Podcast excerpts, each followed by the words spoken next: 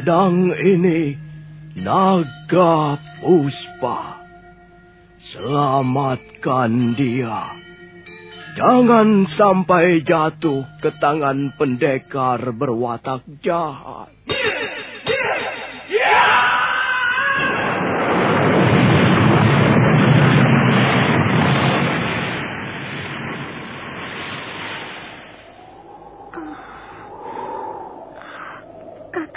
Kamandanu, kau, kau masih juga tidak percaya bahwa aku,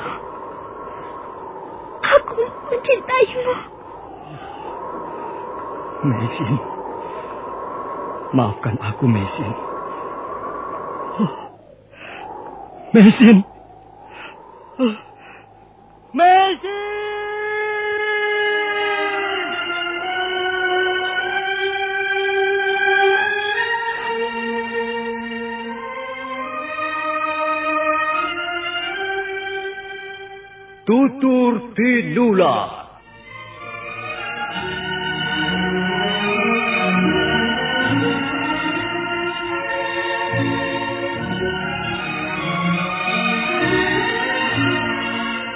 Sebuah sandiwara radio serial, produksi Sanggar Cerita dan teater Sanggar Prativi. Sebuah kisah dengan latar belakang sejarah runtuhnya Singasari dan berdirinya kerajaan Majapahit.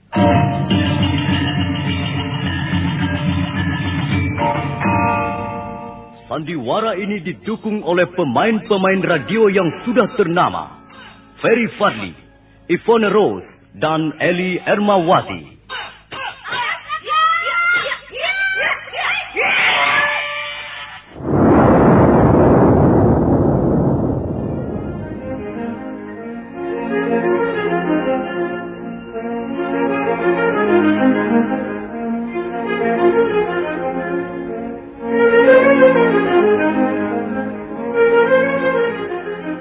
Cerita ini ditulis dan disusun oleh S. Tijab.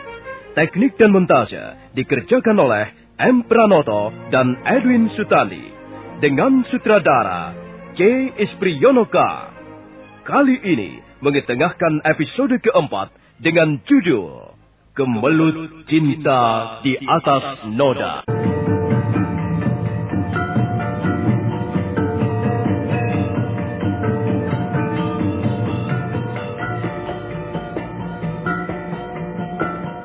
Dalam seri ke-95 ini didukung oleh para pemain M. Abud sebagai Arya Dwi Pangga, Eli Ermawati sebagai Mesin, Iwan Daarta sebagai Pamungsu, Neni Haryoko sebagai Nyi Pamungsu, dan Asdi Suhastra pembawa cerita. Selamat menikmati.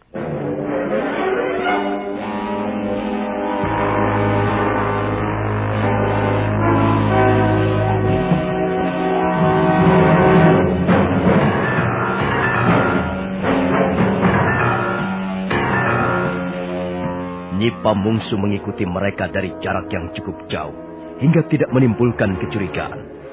Dia melihat Arya Dwi Pangga membawa mesin ke atas tebing sungai yang tinggi. Dia sangat mengkhawatirkan keadaan wanita itu. Dia takut Arya Dwi Pangga akan berbuat tidak senonoh padanya. Dan ketika dia sedang berpikir dan menimbang-nimbang apa yang akan dilakukannya, mendadak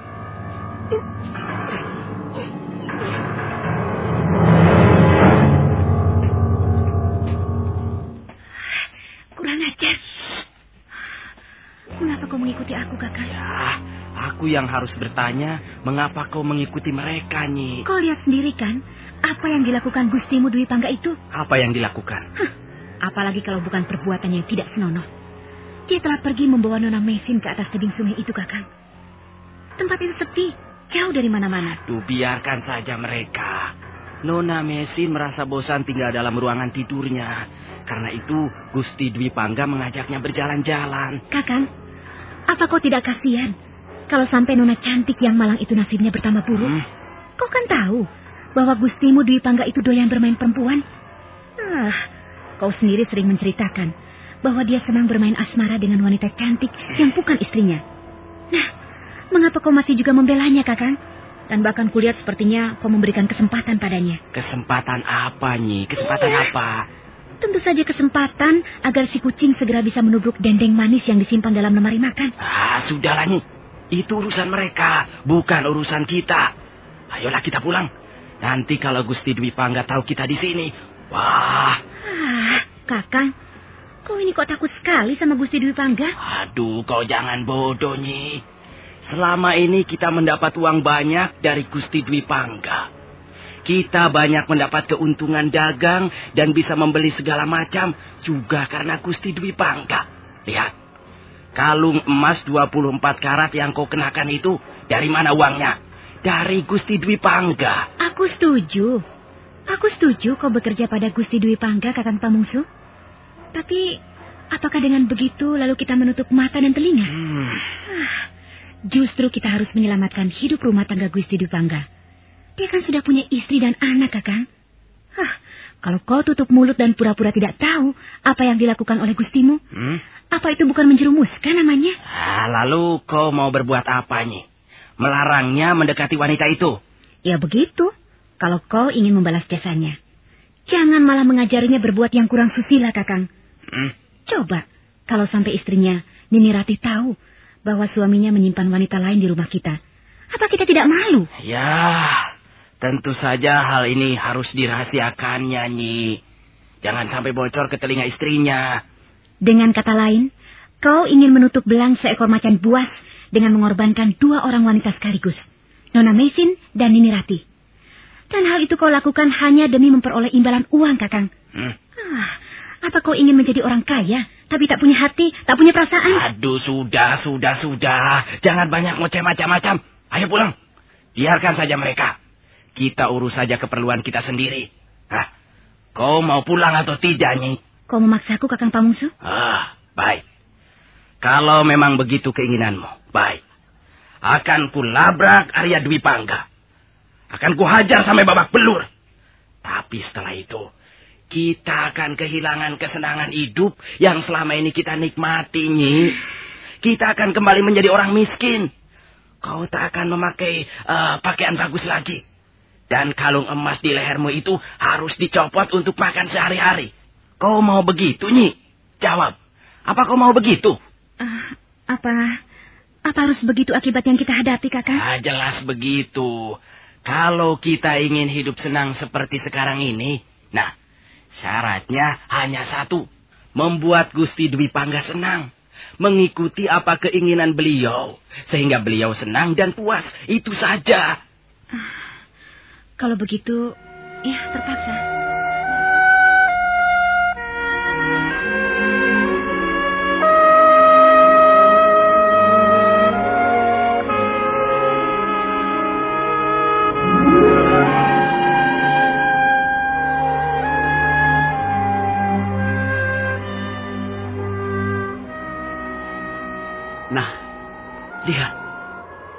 Bukankah indah sekali sungai Kapulungan tampak dari atas tebing ini? Lihat. Tubuhnya menjulur panjang menyusuri lembah, berkelok-kelok seperti seekor ular naga. Iya, memang indah sekali pemandangan di daerah ini. Kau lihat gunung yang menjulang tinggi itu. Namanya Gunung Welirang. Dan yang di sana itu, namanya Gunung Penanggungan. Di sebelah sana itu juga ada sebuah gunung. Ah, itu Gunung Bromo. Di belakangnya lagi Gunung Lamongan. Dan lihat, di sebelah selatan sana, Ah, saya sepertinya melihat sebuah bangunan istana. itu memang istana. Istana Singasari. Dulu, pusat pemerintahan terletak di istana itu. Tapi sekarang sudah pindah ke kota Kediri. Hmm, ya. Istana Singasari sudah jatuh ke tangan Prabu Jayakatwang yang sekarang menjadi raja di Kediri. Ah, apakah di negeri Tuan juga sering kali terjadi perang sebagai akibat perebutan kekuasaan? Ya. Memang begitu. Kau benar. Tapi aku sama sekali tidak menaruh minat pada soal-soal kenegaraan. Mengapa? Perang kuanggap sebagai akibat ulah sekelompok manusia yang tolol. Mengapa mereka menyia-nyiakan hidup yang amat singkat ini dengan mengurusi perang? Mengapa mereka tidak menikmati hidup ini dengan sepuas-puasnya? Itulah. Sekelompok manusia bodoh selalu melakukan kebodohannya dengan gayanya masing-masing. Tapi Manusia tidak sama, Tuan. Mereka hidup dengan panggilan hidupnya masing-masing. Saya juga tidak menyukai perang dan kekerasan. Tapi saya mempunyai alasan yang sedikit berlainan dengan Tuan. Maksudmu? Perang harus dilihat dari segi kepentingan banyak manusia. Bagi saya, perang untuk melenyapkan tindakan angkara murka tidak ada salahnya. Apakah negerimu juga sering dilanda peperangan? Iya. Negeri kami hampir setiap saat ditimpa bencana peperangan besar yang banyak menelan korban jiwa manusia. Negeri kami terdiri dari banyak suku dan mereka suku-suku itu saling ingin menguasai. Hmm, di mana letak negerimu itu, Mesin? Jauh, di seberang lautan. Namanya? Mongolia. Hmm. Jadi sekarang ini aku sedang duduk dan berbicara dengan seorang wanita keturunan Mongolia. Iya, saya seorang keturunan Mongolia. Saya adalah seorang gadis yatim piatu. Kedua orang tua saya sudah tak ada lagi ketika saya berumur dua tahun. Saya lalu diambil anak angkat oleh seorang pendeta yang sepanjang usianya hanya mengabdi pada kebajikan dan agama. Uh, lalu saya dibawa dan dibesarkan di sebuah kuil yang terletak di lereng bukit Homosan. Ya, memang perjalanan nasib manusia tidak menentu adanya. Uh, lalu mengapa kau tiba-tiba bisa sampai ke negeri Jawa ini? Siapa yang membawamu kemari?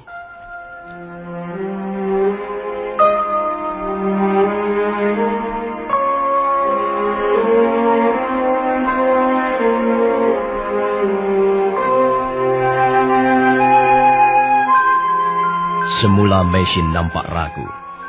Dia termangu dan matanya menatap ke depan, ke arah sungai Kapulungan yang berkelok-kelok.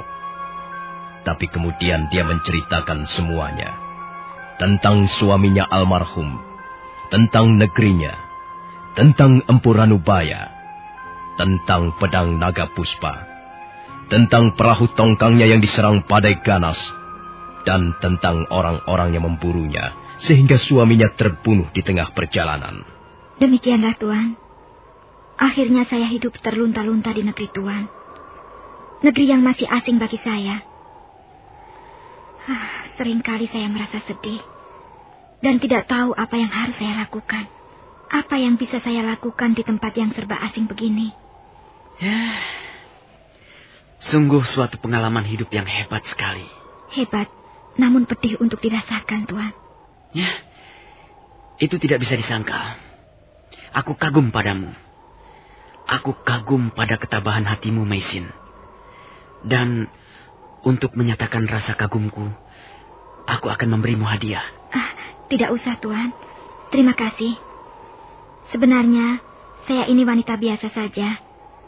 Hanya pengalaman pahit yang sering menimpa diri saya yang membuat saya menjadi berbeda dengan wanita lainnya. Tapi Apakah artinya sebuah pengalaman pahit? Kau mau atau tidak, aku tetap akan memberimu hadiah. Dengar, aku akan membacakan sebuah syair untukmu. Sebatang pohon jati menjulang tinggi. Daun dan rantingnya mencakar angkasa biru. Hutan yang manja tidur di bawahnya. Mungkin sudah seratus tahun umurnya atau 200 tahun atau selaksa. Dia berperang melawan angin. Dia bertempur melawan badai. Entah berapa zaman telah disaksikannya. Berapa musim telah dihitung dengan jari-jarinya. Sebatang pohon jati menjulang tinggi. Tak tergoyahkan Seolah dia berkata kepada dunia di bawahnya, Aku kan tegak berdiri di sini dengan tegar dan percaya diri. Nah, bagaimana pendapatmu dengan syairku ini tadi? Kau setuju isinya? Ah, tentu saya sangat setuju, Tuan. Isinya sangat bagus. Tapi, apakah masih ada sebatang pohon yang tegak perkasa seperti itu? Ada, Mesin. Kaulah pohon yang kumaksudkan.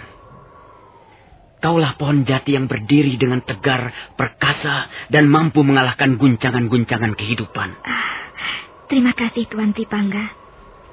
Sair Tuan telah menumbuhkan kembali semangat hidup saya yang hampir padam. Saya memang ingin menjadi pohon seperti itu. Tuhan telah menuliskan sesuatu yang amat berharga untuk direnungkan. Saya sangat membutuhkan tulisan-tulisan seperti itu.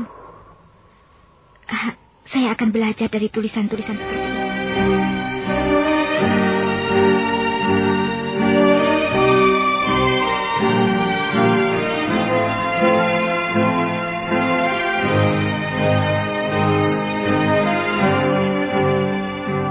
Malam harinya, Mesin diam terbaring di atas tempat tidurnya, tapi matanya tidak mau terpejam. Di tangannya terselip daun-daun rontal yang bertuliskan kalimat-kalimat syair. Sekalipun langit terbelah dan hujan menenggelamkan bumi, kulihat kau tetap tegak berdiri di atas puncak kesetiaanmu pada sang pemberi. Oh, indah sekali bunyi syair ini. Indah dan mengandung tenaga hidup yang luar biasa dahsyatnya. Kadang kala dunia ini tidak ramah pada kita. Angin tidak lagi bertiup sejuk. Apa yang kita cintai pergi menjauh. Anak-anak tak ada yang tertawa. Matahari menyinarkan kedengkian dan bulan memancarkan cahaya keangkuhan. Bentangan langit tak lagi berwarna biru. Mega-mega merangkak sedih di bawah dinding batu. Biarkan. Oh, biarkan semuanya itu. Pahit dan manis akan segera berlalu. Tak ada yang abadi di dunia fana ini. Mengapa harus membuang air mata percuma? Lebih baik tersenyum, sekalipun hanya di dalam hati. Sungguh halus perasaan Tuan Dwi Bangga. Kata-kata yang dituliskannya mengandung arti yang dalam. Siapakah dia sesungguhnya? Siapa pun dia, Agaknya aku bisa mempercayainya. Meisin lalu berusaha memejamkan matanya. Dan malam itu, dia bermimpi. Arya Dwi Pangga membimbing tangannya.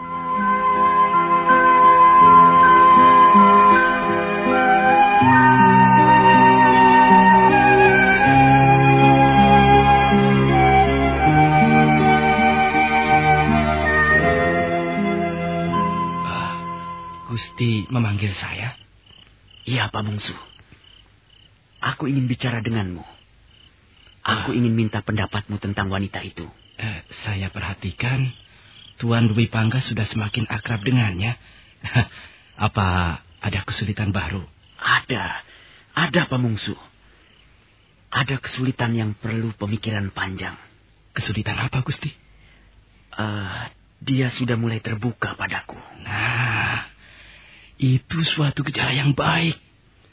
Gusti tinggal menunggu kesempatan untuk masuk lebih dalam lagi. Dia sudah banyak bercerita mengenai dirinya. Tapi ada satu bagian dari ceritanya yang menjadikan ganjalan di hatiku, Pak Mungsu.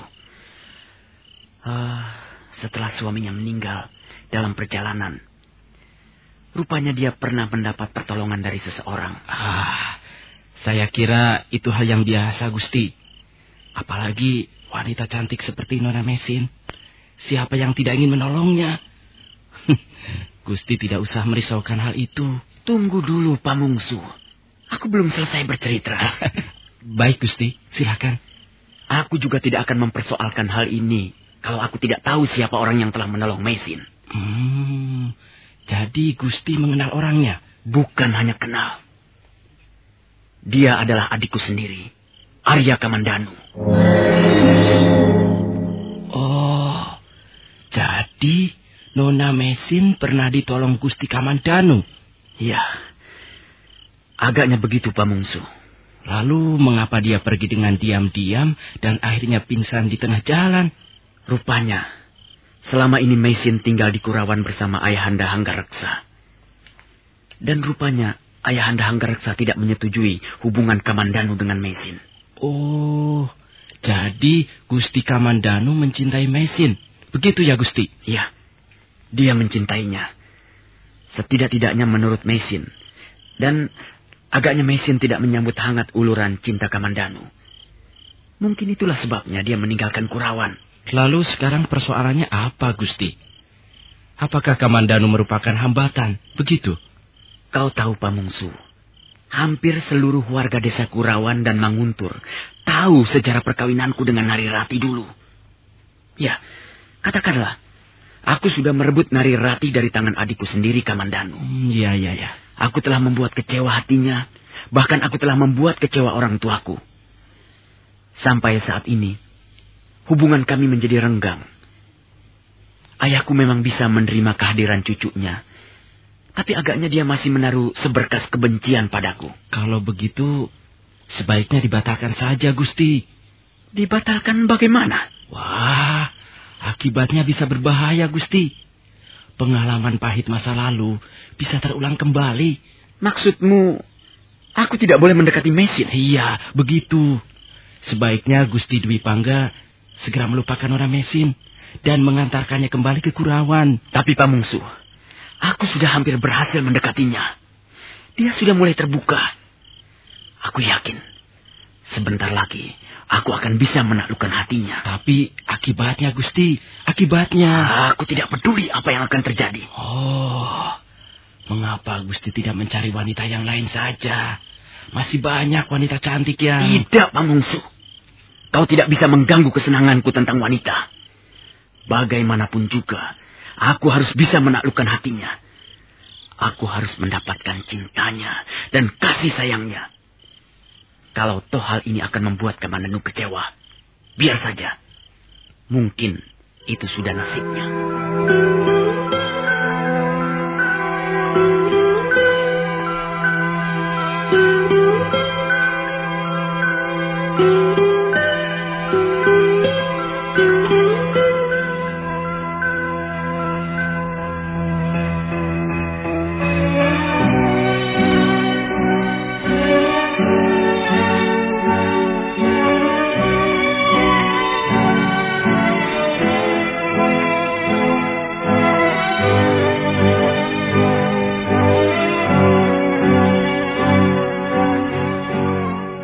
Wajah Arya Dwi Pangga nampak dingin ketika mengucapkan kalimat-kalimatnya.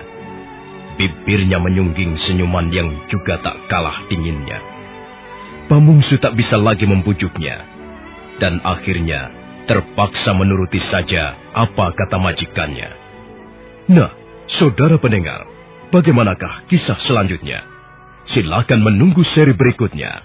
Sampai jumpa.